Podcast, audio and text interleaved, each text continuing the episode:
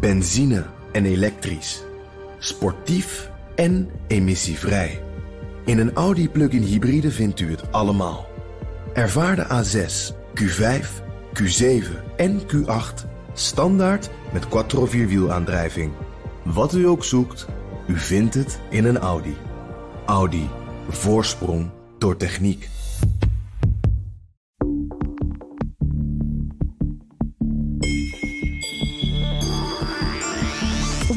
Verjaardag kreeg ik van mijn moeder een boek. De zeven eigenschappen van effectief leiderschap. Maar dan de versie voor kinderen. En ja, er bestaat dus een speciale versie voor kinderen.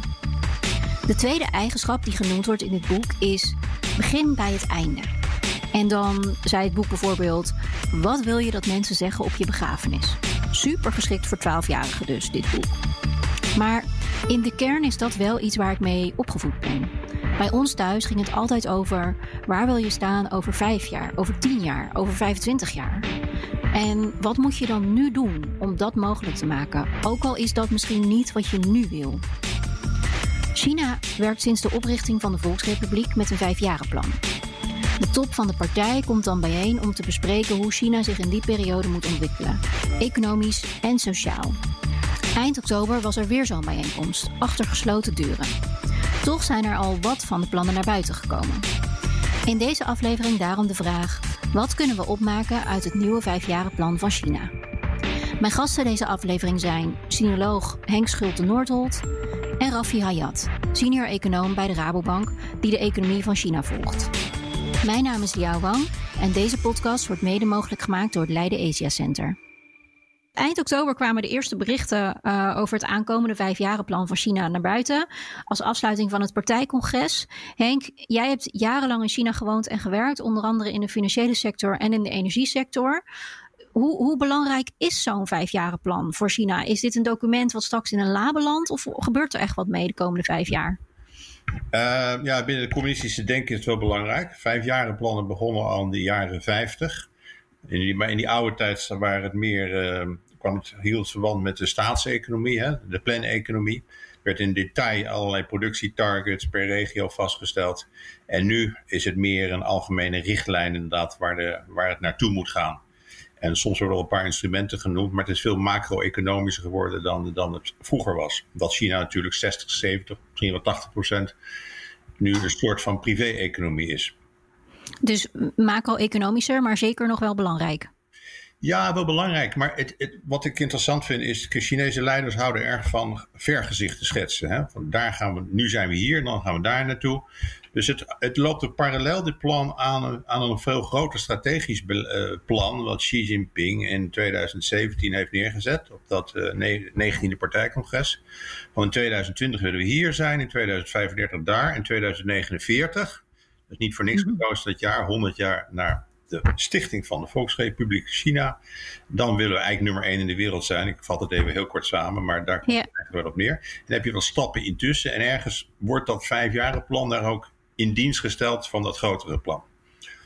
Hey, en Raffi, jij bent econoom bij de Rabobank. Jij volgt onder andere China op de voet. Uh, is zo'n vijfjarenplan dan iets waar jij met spanning naar uitkijkt? Of ja, in hoeverre kan het je verrassen en is het voor jou echt een ding? Jawel, zeker wel. Het is zeker iets waar je met heel veel spanning naar uitkijkt. Want uh, zoals Henk al zei, het is super belangrijk uh, voor, voor China. En ze kijken inderdaad op een langere termijn naar hoe ze willen, waar ze willen dat de economie naartoe gaat. Dus ja, ik kijk er halsrijkend naar uit. En ik let dan ook vooral op dingen zoals: hebben ze, waar willen ze groeien? Hoe snel willen ze waar, precies groeien? En is dat realistisch? En welke afwegingen gaan ze dan moeten maken? Want je kan wel zeggen: ik wil, ik wil uh, en heel hard groeien. En ik wil inkomensongelijkheid verminderen. En ik wil minder exporteren. Ja, je moet je ergens wel een afweging maken. Ja. En, en, en, die afwegingen moet ik als econoom gaan nadenken en gaan doorrekenen van is dit een realistische afweging? Is dit een minder, minder realistische afweging? Dus ik kijk er zeker halsrijker naar uit.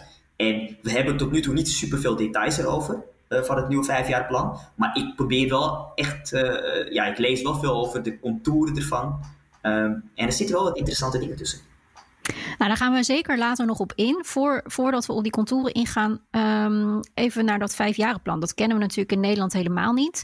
Henk, jij gaf net al aan, dat is eigenlijk sinds de jaren 50 is dat al zo. Hè? Ehm, kun je wat vertellen over de, de rol van zo'n vijfjarenplan? Hoe, hoe wordt dat dan gemaakt? Ehm, ja, wat er nu naar buiten komt is volgens mij is een product van wat ze noemen het Centraal Comité van de Communistische Partij.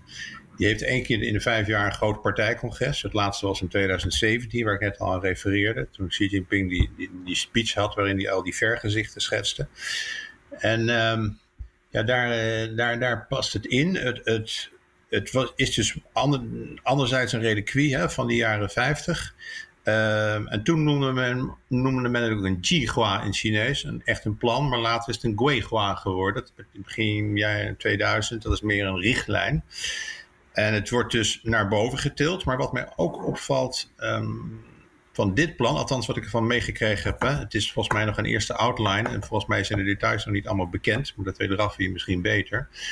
Um, dat het veel verder gaat dan alleen het, het benoemen van sociale en economische issues. Um, je wordt ook bijvoorbeeld gezegd. Uh, de kernwoorden zijn volgens mij economic self-reliance en technologische autonomie. Nou, dat zijn dingen die je moet zien ook in het kader van wat hoe China zich in de wereld, uh, hoe ze zich voelen. Ze voelen zich minder goed sinds een jaar, sinds het uitbreken van de coronacrisis, dan een jaar geleden. Er is erg veel verzet ook en, en veel, uh, veel spanningen internationaal, ook in de regio. Dus die technologische self-reliance en autonomie, dat moet je ook zien in, in een grotere politieke context. En hoe bijzonder is dat? Dat het niet alleen gaat over China intern en de doelen van China, maar ook over China's positionering in de wereld? Ik, ik weet niet hoe ver dat opschuift per vijfjaren plan, maar ik had het al over die, die, die in de jaren 50. 60, 70. Eigenlijk is de privatisering in China pas eind jaren 70, begin jaren 80 echt serieus begonnen, stapsgewijs. Um, maar toen waren het echt economische plannen. En vooral voor de, de zware industrie. Uh, ik denk niet dat ze aan de fietsfabriek zeiden: je moet zoveel uh, flying pigeons maken dit jaar. Maar um, voor, de, voor de staalindustrie en de, en, en, en de elektriciteitsproductie en zo werd dan echt heel gedetailleerd. Werd dan, uh, werd dan gezegd: dit moet je halen. En dat gaf ook natuurlijk aanleiding tot heel veel verspilling. Want als je iets. toen was het eigenlijk niet belangrijk wat de markt vond. Of er producten waren voor die. Of er afnemers waren, consumenten voor al die mooie producten die er gemaakt werden. En dat is natuurlijk nu veel subtieler, veel meer sophisticated. En inderdaad, de markt bepaalt de toewijzing van de middelen. Dat is wel waar. Maar anderzijds zie je ook de laatste jaar vooral onder Xi Jinping ook weer meer een sterke controle van de overheid, van de staatsbedrijven op de economie. Dus dat is een interessant samenspel. En uh, controle is toch wel een van de toverwoorden van het laatste 1, 2 jaar. We moeten meer die economie in dienst stellen van de opbouw van China. Dus het hele vrije spel van privébedrijven is toch weer wat afgenomen ten opzichte van de staatsbedrijven. En iedereen moet eigenlijk in dienst staan, goedschiks of kwaadschiks zou ik bijna zeggen, in dienst van het grote doel van de, de opbouw of de grote renaissance van de Chinese natie, zoals het ook wel genoemd wordt. En waarom die, die stappen dus zijn die ik net schetste, 2020, 2035 en 2049.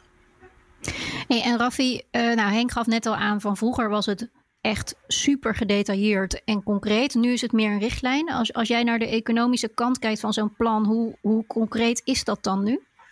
Ja, niet zo super concreet dus. Uh, want uh, Henk noemde al heel terecht van het is meer een richtlijn geworden. En dat zie je ook in, alle, in de, de communicatie erover. Een belangrijke een belangrijk voorbeeld daarvan is bijvoorbeeld economische groei. China had eh, tot voor kort hadden ze echt een target voor zo snel willen we groeien. Onze reële economie moet met bijvoorbeeld 6% per jaar groeien. En die groeitarget hebben ze dus nu losgelaten. In ieder geval tot nu toe is het niet bekend dat ze een expliciete target hebben uh, waar, ze naar, waar ze naartoe willen groeien. Verwacht jij dat dat zo blijft? Of denk je dat dat nog komt, dat target, dat het nog uitgewerkt moet worden? Het zou best kunnen dat er nog iets komt, maar het, het zou me helemaal niet verbazen als het dus niet een expliciete target is, maar dat het bijvoorbeeld een range is. Dat ze zeggen tussen de, tussen de x en de y procent. Of dat ze, dat ze zeggen van luister, we kijken niet meer naar de kwantiteit van groei, maar we kijken naar de kwaliteit van groei. Want dat is ook iets wat je steeds meer leest. Uh, mag dat mag weer... ik daar iets over vragen? Um, ja, zeker. Want uh, is dat ook niet, houdt het ook niet verband met de hele slechte, althans in het eerste kwartaal zeker van dit jaar, economische groei in China? Toen het een krimp had voor het eerst sinds 20, 25 jaar. Ja, zeker. Het is... Met 7%. Dus als je nu gaat zeggen, we moeten hier met 7% groeien, dat is, dan moet je enorm veel inhalen. Dus dat is misschien ook lastig. Ja, zeker. Dus dat heeft, daar heeft het zeker wel mee te maken. Inderdaad, de, de Chinese economie is in het eerste kwartaal uh, dit jaar met 6,8% ge, gekrompen. Dat is echt ongekend voor China. Ja. En wij denken dat ze dit jaar nog wel als enige grote land een positieve economische groei gaan laten zien. Iets van 1,7% denken wij. Dat is heel laag voor China. Maar als je kijkt naar de rest van de wereld, is het echt de enige grote economie die groeit. Ja. Uh, dus het heeft zeker wel daarmee te maken. Ze hebben, toen die economie kromp, hebben ze ook gezegd van dit jaar hebben we geen groeitarget meer. Maar ik denk dat het voor de langere termijn ook wel iets is wat ze zien aankomen. En dat is dat ze niet meer zo hard zullen groeien als ze eerst deden. De Chinese economie die is de afgelopen tien uh, jaar met gemiddeld 7% per jaar gegroeid. Dat is ongekend. Dat, dat, is, echt, dat is echt hoog hè, voor, voor, ons, uh, voor ons Westerlingen. Uh, maar het is ook een opkomende markt, daar niet van. maar die 7%, je ziet dat dat gestaag omlaag is gegaan door de, in de afgelopen tien jaar, zeg maar. En dat, gaat niet, dat gaan ze niet vol blijven houden. En het is beter voor hun ook om te verkopen naar, naar de rest van de wereld toe en naar hun intern ook, om dat iets vager te houden, denk ik. Ja. Ze hebben ook in het vijfjarig plan hebben ze gezegd, we willen tegen 2035 willen we een moderately developed economy worden. Ja. Dat is maar zonder getal. Zonder getal. En, en wat je moderately developed noemt, is aan interpretatie uh, uh, hoe noem je dat, uh, onderhevig. je zou kunnen zeggen van ja, ik noem een BBP per capita van 20k per jaar. 20k US dollar bijvoorbeeld, dat vind ik moderately developed. Hmm. Maar of 40k. En of het nou 20 of 40 is, de, implic want de, de BBP per capita in China is ongeveer uh, 11.000, 10 à 11.000 uh, Amerikaanse dollar per, per jaar, per, per capita, per persoon. Um, en of het nou van 10 naar 40 gaat of 10 naar 20, ja, dan heb je het over een impliciete groei van tussen de 4 en de 8, 9 procent. Dus het is een enorme, ja, je, je kan daar gewoon ja, dat is gewoon vaag genoeg om altijd die target te halen, als het ware. Ja. En hiervoor was dat natuurlijk niet. Hè? Dus ook in het vorige vijfjarenplan stond nog wel een hard getal voor, volgens mij onder andere BBP-groei. Um, ehm, hoe, in hoeverre, Henk, is dat iets waar mensen dan ook echt op afgerekend worden? Bijvoorbeeld nu wordt dat volgens mij niet gehaald. Uh, hoe gaan ze daar dan mee om? Nou ja, afgerekend is misschien een beetje in, in de westerse politieke context wat, eh, wat, gevoelig, wat lastiger. Er zijn natuurlijk geen verkiezingen. Nee, precies. Nee, nee, maar daarom worden die dingen, wat Rafje ook wel een beetje schetsen, bewust een beetje vaag gehouden. Want het is toch niet leuk als, als het heel anders eh, eruit ziet dan, uh, dan je voorspeld hebt. Maar ja, als ik het een beetje cynisch mag zeggen, die communistische partij is ook wel een beetje een beloftemachine. Hè? We gaan dit doen en dan gaan we dat doen. Ook weer qua klimaat. We zijn carbon neutraal in 2060. En dan zegt de wereld toch O en A. Maar uh, inderdaad, afrekening van word je gehouden aan die belofte. En, en wat zijn de gevolgen, de consequenties als je er niet aan houdt die zijn natuurlijk niet, uh, niet, niet duidelijk in China, of die hoeven zich ook niet aan, aan, te houden dan. Maar men vindt het toch vervelend om redenen van feest, van imago, als het helemaal niet lukt. Dus liever een, een, eh, een beetje vaag houden. Maar uh, wat men wel steeds meer doorkrijgt, als ik even die associatie mag maken, is dat het niet alleen maar inderdaad om economische groei en cijfers gaat, maar ook inderdaad om kwaliteit van de groei. Um, want milieu, dat is iets eh, waar China nog steeds meer op richt. Of dat nou een bekering van het hart is, een innerlijke overtuiging, dat vraag ik me af. Maar je ziet ook steeds meer sociaal activisme, zo je wilt, in de grote steden. Van burgers die gewoon niet die vieze lucht meer willen inademen. Dus het krijgt ook een enorme politieke dimensie. Dat die groei, die economische groei, niet alleen maar 6, 7, 8 procent is. Dat is misschien wel leuk voor een partijbond uit de provincie die dan weer eh, een promotie kan maken omdat zijn targets heeft gehaald. Maar het gaat ook echt meer om, om die brede middenklasse. Dat is eigenlijk de, ja, waar misschien de partij naar kijkt. Als die zodra, zolang die zich zeggen, scharen achter de partij, zeggen nou jij levert groei, dan zal ik me politiek rustig houden was een beetje wat de, de, de deal, zeg maar, de onofficiële deal. Als die gaat afbrokkelen omdat die lucht te smerig wordt, het water eh, overal vervuild wordt, mensen vluchten naar schonere landen omdat ze niet meer in China willen wonen, ja, dan heb je een serieus probleem. Dus, ja. dus, dat, dat... Dus, aan dus dat plan wordt aan de ene kant vager, zodat, het, zodat je beter zeg maar, kan dealen met onverwachte gebeurtenissen. Aan de andere kant komt er ook een steeds grotere sociale component aan, is wat ik hoor zeggen. Ja. Um, als we inzoomen op wat we weten van dit plan. Uh, Raffi, wat waren voor jou de grootste verrassingen? nou, ik zou niet per se zeggen dat er grote verrassingen waren. Veel van de, wat, ten eerste zijn er niet heel veel details over bekend nog. En ten tweede, veel van de dingen die ze noemden, had Xi Jinping al in eerdere toespraken door laten komen. maar het is meer een soort bevestiging van de dingen die je al, al dacht. Kijk, de, de, main message, zeg maar, van, van het vijfjaarplan is self-footing, self-reliance. En, en, en, dus dat werd vaak genoemd, met, met name in technologie. Ze willen meer hun eigen technologie gaan ontwikkelen. En ze willen ook, dus dat, dat klimaatonderdeel is wel een belangrijker onderdeel geworden dan, dan ik aanvankelijk dacht. maar dat ze echt zeggen van we willen klimaatneutraal zijn tegen, of CO2-neutraal tegen 2060 volgens mij. Dat is wel een statement. wat ik interessant vond vooral was de term dual circulation dat zat er ook echt in, in, in, in, in de, zeg maar de, de, de pers, de persvoorlichting na, nadat uh, die, de, de plan werd gehouden. En dat dual circulation vind ik heel interessant als econoom. Dat, dat idee achter dual circulation, heeft Xi Jinping al eerder gezegd, is dat China minder afhankelijk wil worden van de externe omgeving, minder exportafhankelijk zeg maar, en meer economische groei wil halen vanuit de Chinese consument. Dat noemen ze internal circulation. Ja. En ze willen daarbij niet afsluiten. Ze zeggen we gaan niet ons afsluiten van de wereld. We willen wel ook external circulation behouden. Dat betekent dat we nog steeds wel, uh, als, uh, we willen nog steeds wel handel drijven met andere landen. We willen nog steeds wel uh, direct buitenlandse investeringen binnenlaten. dus willen, maar de focus ligt vooral op de Chinese consument. Die 7% groei waar we, vroeger, waar we het over hadden, die kwam eigenlijk vooral door productie. Chinese, wat Henk net al refereerde, dat heeft ook te maken met hun achtergrond. Het is vooral veel productiegerelateerde groei. Investeren in infrastructuur, fabrieken die heel veel dingen produceren. Veel minder door echt het kopen van, van, van producten en diensten door consumenten. En dus, consumenten, dus consumenten moeten rijker worden en moeten dus ook meer gaan spenderen en bijdragen aan de economie. Henk, wat voor sociale plannen zie jij dan in dat vijfjaren om dat mogelijk te maken? Dat gebeurt niet vanzelf. Je bedoelt die bestedingskracht dat die toeneemt? Ja. Nou ja, kijk, de, Chinezen worden heel simpel gezegd wel steeds rijker. Ze hebben steeds meer, meer geld te besteden. Uh, ik geloof dat Raffi net 11.000 uh, dollar per, ja. per jaar. Dat, ik, ik, had in mijn hoofd nog iets van 8.000, 9.000. Zie je dat? Dat is een goede ja, ja. Maar uh, het is uh, je hebt minimumloon in China. Dat, is ook per, dat scheelt nog een beetje per regio. Volgens mij niet nationaal. Maar die, dat is ook continu op, opgekrikt. Um, dus dat, dat, dat, zijn, uh, dat is, we moeten inderdaad een aanjager van die economie worden. Die besteding van die middenklasse. Maar ook dat kun je ook van uitwaaieren, zo je wilt, naar, naar de grote midden- en, en westen van het land. Dat is zeker een, uh, een component waar ze naar kijken. Dus die bestedingen toenemen als motor van economische groei. Maar volgens mij is nog steeds wel heel veel ook investeringen in, in hardware. Fixed asset investment noemen ze dat in China. Dus nog meer vliegvelden, nog meer hoge snelheidslijnen en ga maar door. Nog, en vergeet de onroerend goedsector niet, dat is ongelooflijk belangrijk voor het totale plaatje. Maar daar eh, loert altijd verspilling om de hoek. Want dat wordt op, China is natuurlijk zo groot, je kunt niet alles in Peking bedenken en laat staan uitvoeren.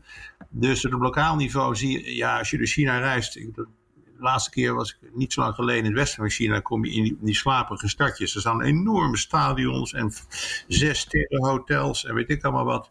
Denk je, waar zijn die consumenten? Maar dat zijn vaak grote ontwikkelaars uitgevoerd. En met, met vriendjes dan bij de overheid die de goedkeuringen geven. En indirect misschien er ook wat beter van worden. Dat even terzijde. Maar, uh, dus daar zit ook heel veel verspilling uh, loert daar om de hoek. Dus dat. Uh, dat is een wat een riskant uh, model om alleen daarop te varen. Maar het zit wel ook in het communistische denken dat je die economische groei helpt stimuleren. Dat je niet alleen op van de consument afhankelijk maakt, maar ook met die enorme middelen die ze hebben, um, om toch steeds weer op dat oude denken, noem ik het bijna, in die fixed assets te gaan zitten. Ja, ik vind dat een hele interessante. Hè? Als ik iets mag toevoegen, want kijk, ik als econoom vind dat een heel interessant uh, vraagstuk. Want die verspilling, dat zie je in die economische groei. Kijk, eh, wij, economen zeggen dat economische groei, uh, tenminste uh, volgens het groei, economische groeimodel, het klassieke groeimodel, komt door drie, drie dingen eigenlijk. Of je krijgt meer mensen, of je investeert meer in kapitaal, je hebt meer kapitaal, of je hebt technologische vooruitgang. China heeft haar economische groei vooral gehaald uit investeringen. En dat waren, zoals Henk al zei, geen investeringen in technologische kennis per se, maar gewoon investeringen in bijvoorbeeld infrastructuur en vastgoed.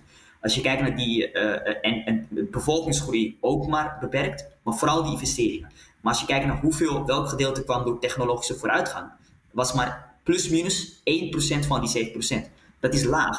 En juist dat, uh, dat, noemen we, dat noemen we total factor productivity. Dus eigenlijk gewoon de economische groei die overblijft nadat je corrigeert voor bevolking en voor, voor arbeid eigenlijk en voor kapitaal. En dat is maar heel weinig. En als je meer intern gaat richten, gaat het niet hoger worden. Um, dus daar zit de afweging. Als je meer binnenlands wil groeien, kan je misschien minder hard groeien. Uh, dus dit is een afweging die ze moeten maken. En nog één ding wat ik wil zeggen is, dat dual circulation waar we het over hadden net, hè, daar zitten ook een aantal afwegingen tussen. Als je zegt dat je meer uh, economische groei wil halen van de binnenlandse consument, dan moeten op een gegeven moment ergens uh, moeten mensen meer koopkracht hebben. Dus waarschijnlijk moeten of meer verdienen of meer lenen. Ja, leningen heeft China al een heel groot probleem. Uh, ze hebben al te veel, ze hebben al echt een, een enorme schuldenberg. Komen misschien straks op terug. Maar je zou bijvoorbeeld kunnen zeggen van ja, de lonen van, van, van mensen moeten omhoog. Fabrieksarbeiders moeten meer gaan verdienen. En daar zit een probleem, want als lonen van fabrieksarbeiders omhoog gaan, word je minder concurrerend. Tenzij je meer gaat produceren. Maar daar hadden we net al over. Ze hebben problemen met productiviteit. Uh, als je minder competitief wordt, kan je ook minder exporteren. Word maar eigenlijk hoor ik jou zeggen, Raffi, het is gewoon, het kan niet wat zij zeggen. En meer kopen en technologische innovatie en export op peil houden en uh, weet ik het, in 2060 uh, klimaatneutraal zijn. Ik hoor jou eigenlijk zeggen, dit, dit kan niet, dit plan slaat nergens ja, Eigenlijk zeg ik dat, ja. En ik wil het niet zo straks zeggen van het gaat ze niet lukken, het is onmogelijk, maar er zitten heel veel afwegingen in. Je kan niet alles hebben en alles uh, in deze dingen doen. Dus ja, inderdaad, voor een deel, zit het, voor een deel gaat het, zijn sommige dingen niet haalbaar. Iets gaan ze moeten laten. Of groei of, of, of kwaliteit van groei. Kan niet allebei hebben. Ja, ik ben geen econoom, maar volgens mij heeft die hele lange termijn plan, dus laten we inzetten op technologie om ook die productiviteit te verhogen. Uh, want China was natuurlijk altijd de werkplaats van de wereld. En uh, dat uh, beroemde voorbeeld van de, de, de iPhone, de Apple iPhone die in Californië werd ontworpen en in China werd gemaakt. En uh, de toegevoegde waarde op, die, op dat proces viel voor 90% ook meer aan, aan Californië toe. En dat, en dat is eigenlijk waar men naartoe wil. Om reden van die concurrentie met de VS, maar ook misschien omdat men wel moet vanwege de demografische verschuivingen in China. Je, moet, je kunt u voorstellen dat die 30 jaar één kindpolitiek er wel in hebben gehakt. Dus wat volgens mij ook wel mooi wordt genoemd, hoe worden we rijk voordat we oud worden? Want als we ja. oud ja, want die bevolkingsgroei, wat Raffi net ook al noemde, die zit er voorlopig ook niet in. Nee, nee, dat gaat zelfs veel harder. Een beetje Japanse vormen aannemen, begrijp ik. Althans, zeker in, uh, in de grote steden. Dus de, die tijdspanne waar je over praat, voordat men echt oud is gemiddeld, um, die is niet zo heel lang. Misschien 20, 30 jaar, ik noem maar wat. Dus misschien daar, dat is een reden. Niet alleen de geopolitieke gevecht met de VS, maar ook om, om die redenen dat men het anders niet haalt dat men daarom er erg moet inzetten. Maar of je dan, wat Raffi zegt, ook niet alles tegelijk kunt krijgen, niet, niet en meer kunt verdienen. Want ik denk als politiek product maar goed genoeg is, maar dat zeg ik als een niet-econoom, dan heb je nog wel mar markten buiten China. Uh, Zeker, zeker die enorme in opkomst zijnde. Kijk, op westerse markten wordt men toch, toch wat deels geweerd. Denk even aan het beroemde Huawei-verhaal. In, in, in in China, of sorry, in Amerika volledig uh, boycott. In de Europese landen neigt het daar ook een beetje naartoe. Engeland is daar al, heeft er een stap gezet. Dan heb je ja, maar er is nog wel een heel groot ander deel van de wereld, Afrika, Zuid-Amerika, Zuid-Azië, waar al die belemmeringen niet zijn. Die hebben weliswaar minder koopkracht, maar misschien als die opkomen, dat dat de strategie is. Dat je wel twee gescheiden ecosystemen krijgt van technologische en digitale standaarden, maar dat China wel die ene helft of zelfs drie kwart van de wereld pakt. Dus dat is weer een geopolitiek verhaal een beetje. Maar in ieder geval, de basis van het denken is inderdaad, we moeten, we moeten rijk worden voordat, uh, voordat we oud worden. En, uh, en niet afhankelijk zijn, dat vind ik ook in dat plan heel interessant, niet afhankelijk worden van, uh, van, de, Verenigde Naties, van, sorry, van de Verenigde Staten. dat is, er is ook ontzettend veel gebeurd. Ze waren eigenlijk strategische concurrenten en nu zijn het gewoon openlijke vijanden. En hoe, hoe moeilijk is dat, die technologische onafhankelijkheid, aangezien volgens mij nog steeds uh, een heleboel halfgeleiders en chips geleverd worden aan China en ze die nog niet zelf kunnen produceren? Dus, dus wat moet er gebeuren om dat te laten lukken? Ja, ik las net cijfers even van 300 miljard uh, import aan halfgeleiders vorig jaar. Meer dan ruwe olie. Dus dus even los van de druk die de VS opvoert, is dat een hele afhankelijke positie die men natuurlijk niet wil hebben. Ja, wat er moet gebeuren is nog meer inzetten op research and development. En dat is wel een Chinese denken dan niet garagetechnologie, zeg maar, maar top-down. Dus je gaat via staatsinstellingen, R&D, uh, um, instituten, et cetera, ga je dat proberen te ontwikkelen. en um, ja, links en rechtsom. Uh, ik bedoel, er wordt veel technologie, uh, laten we zeggen, oneigenlijke middelen verkregen.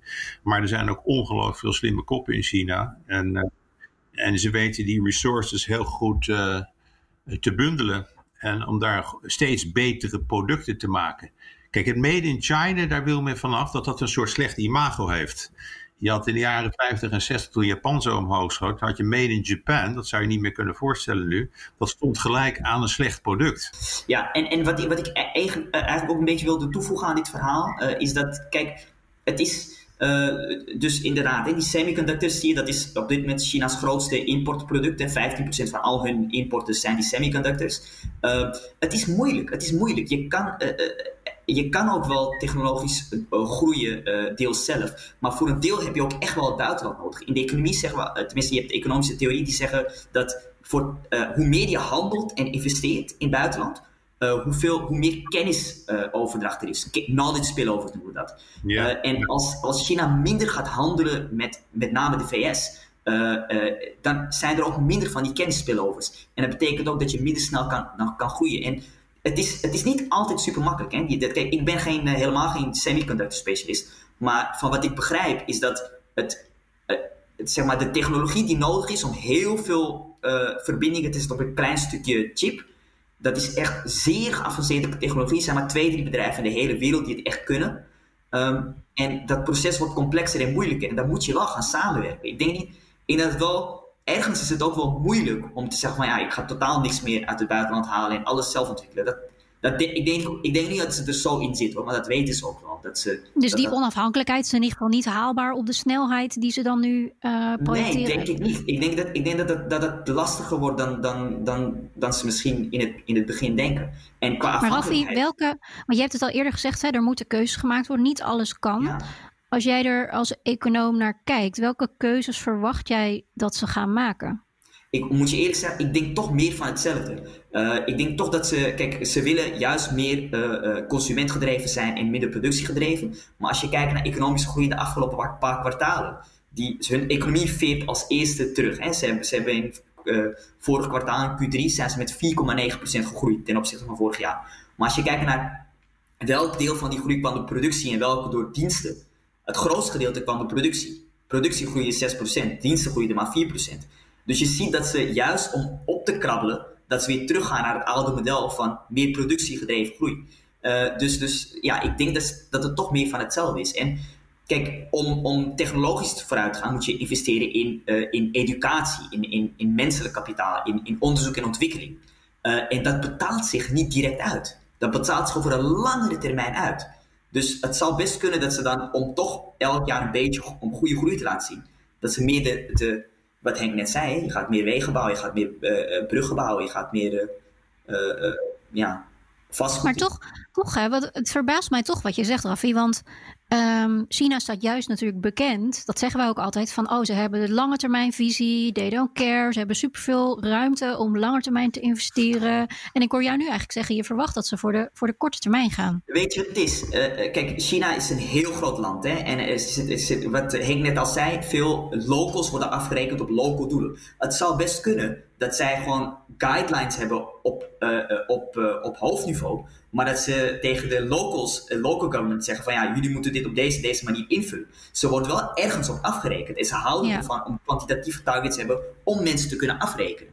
Want je kan ja. niet iemand afrekenen op iets vaags. En dat zou best kunnen dat local, op lokaal niveau, dat lokale overheden toch zoiets van, nou weet je wat, we gaan dit jaar tien bruggen bouwen.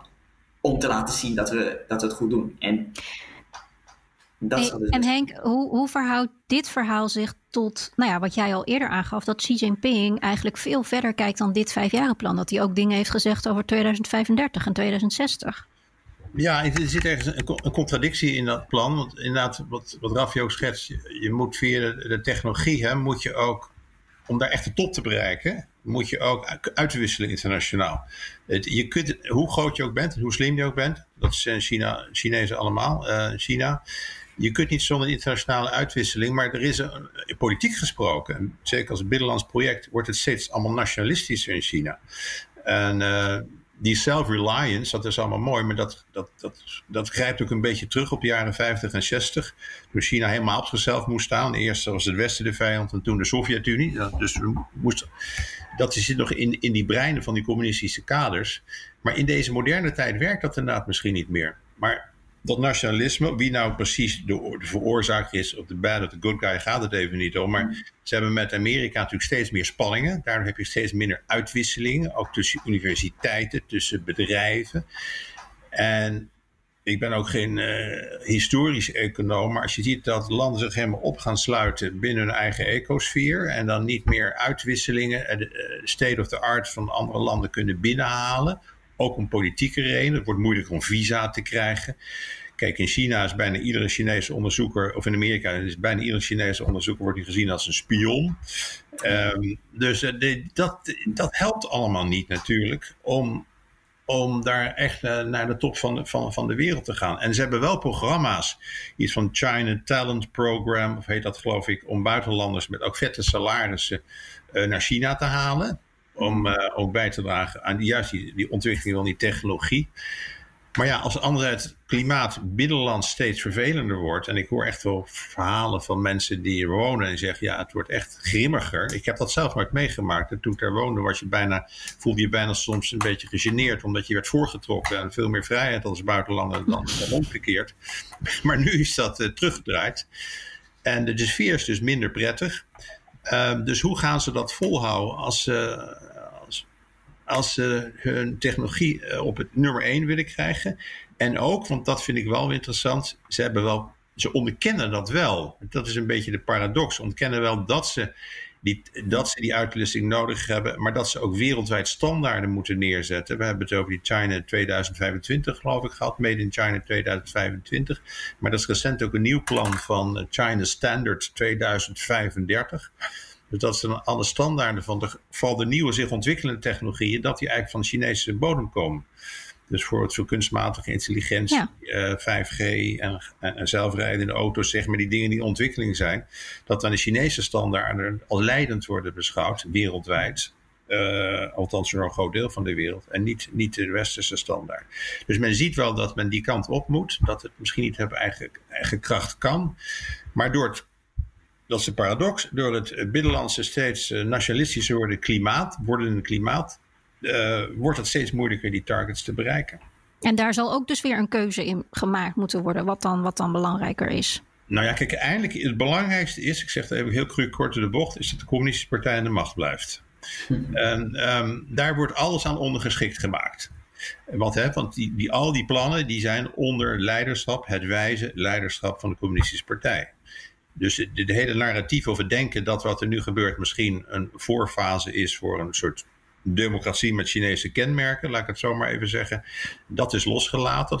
Hu Jintao had je dat nog een beetje, maar onder deze man niet. Dus um, ja, uh, men, men, wil dat onder het leiden van. Daar staat alles onder geschikt aan. En als we daar, als we daar zo'n beetje op, op inzoomen, hè, of misschien wel even uitzoomen over het economische verhaal. Inderdaad, alles staat in het teken van die communistische partij. Hoe bijzonder is het dat Xi zoveel verder denkt uh, dan dat vijfjarenplan, dat hij ook al targets heeft gezet voor 2035 en 2060? Wat zegt dat over zijn positie?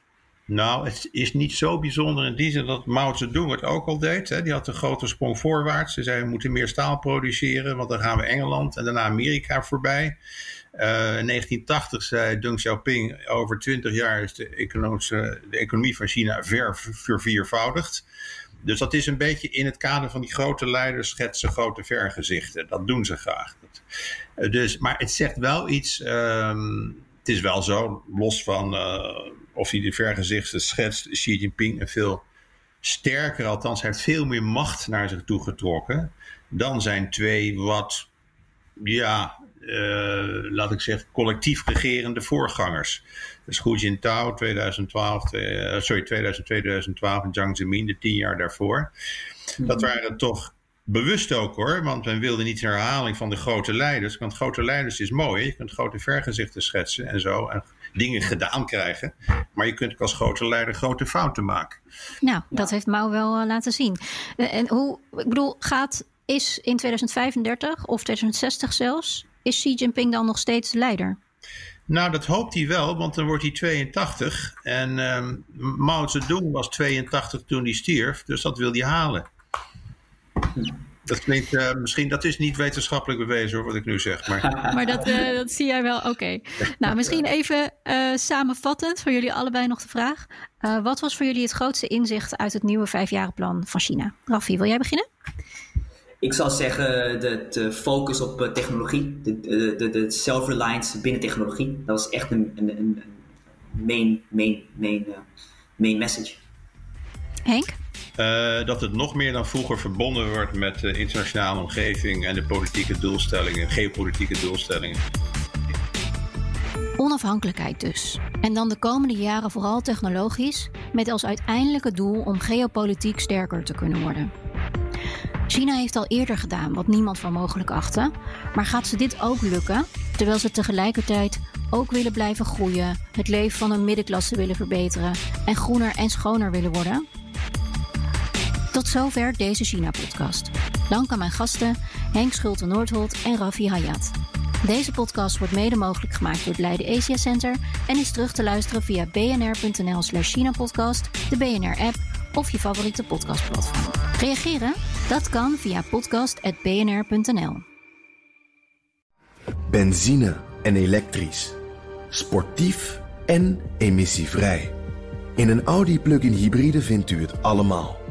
Ervaar de A6, Q5, Q7 en Q8 standaard met quattro vierwielaandrijving. Wat u ook zoekt, u vindt het in een Audi. Audi. Voorsprong door techniek.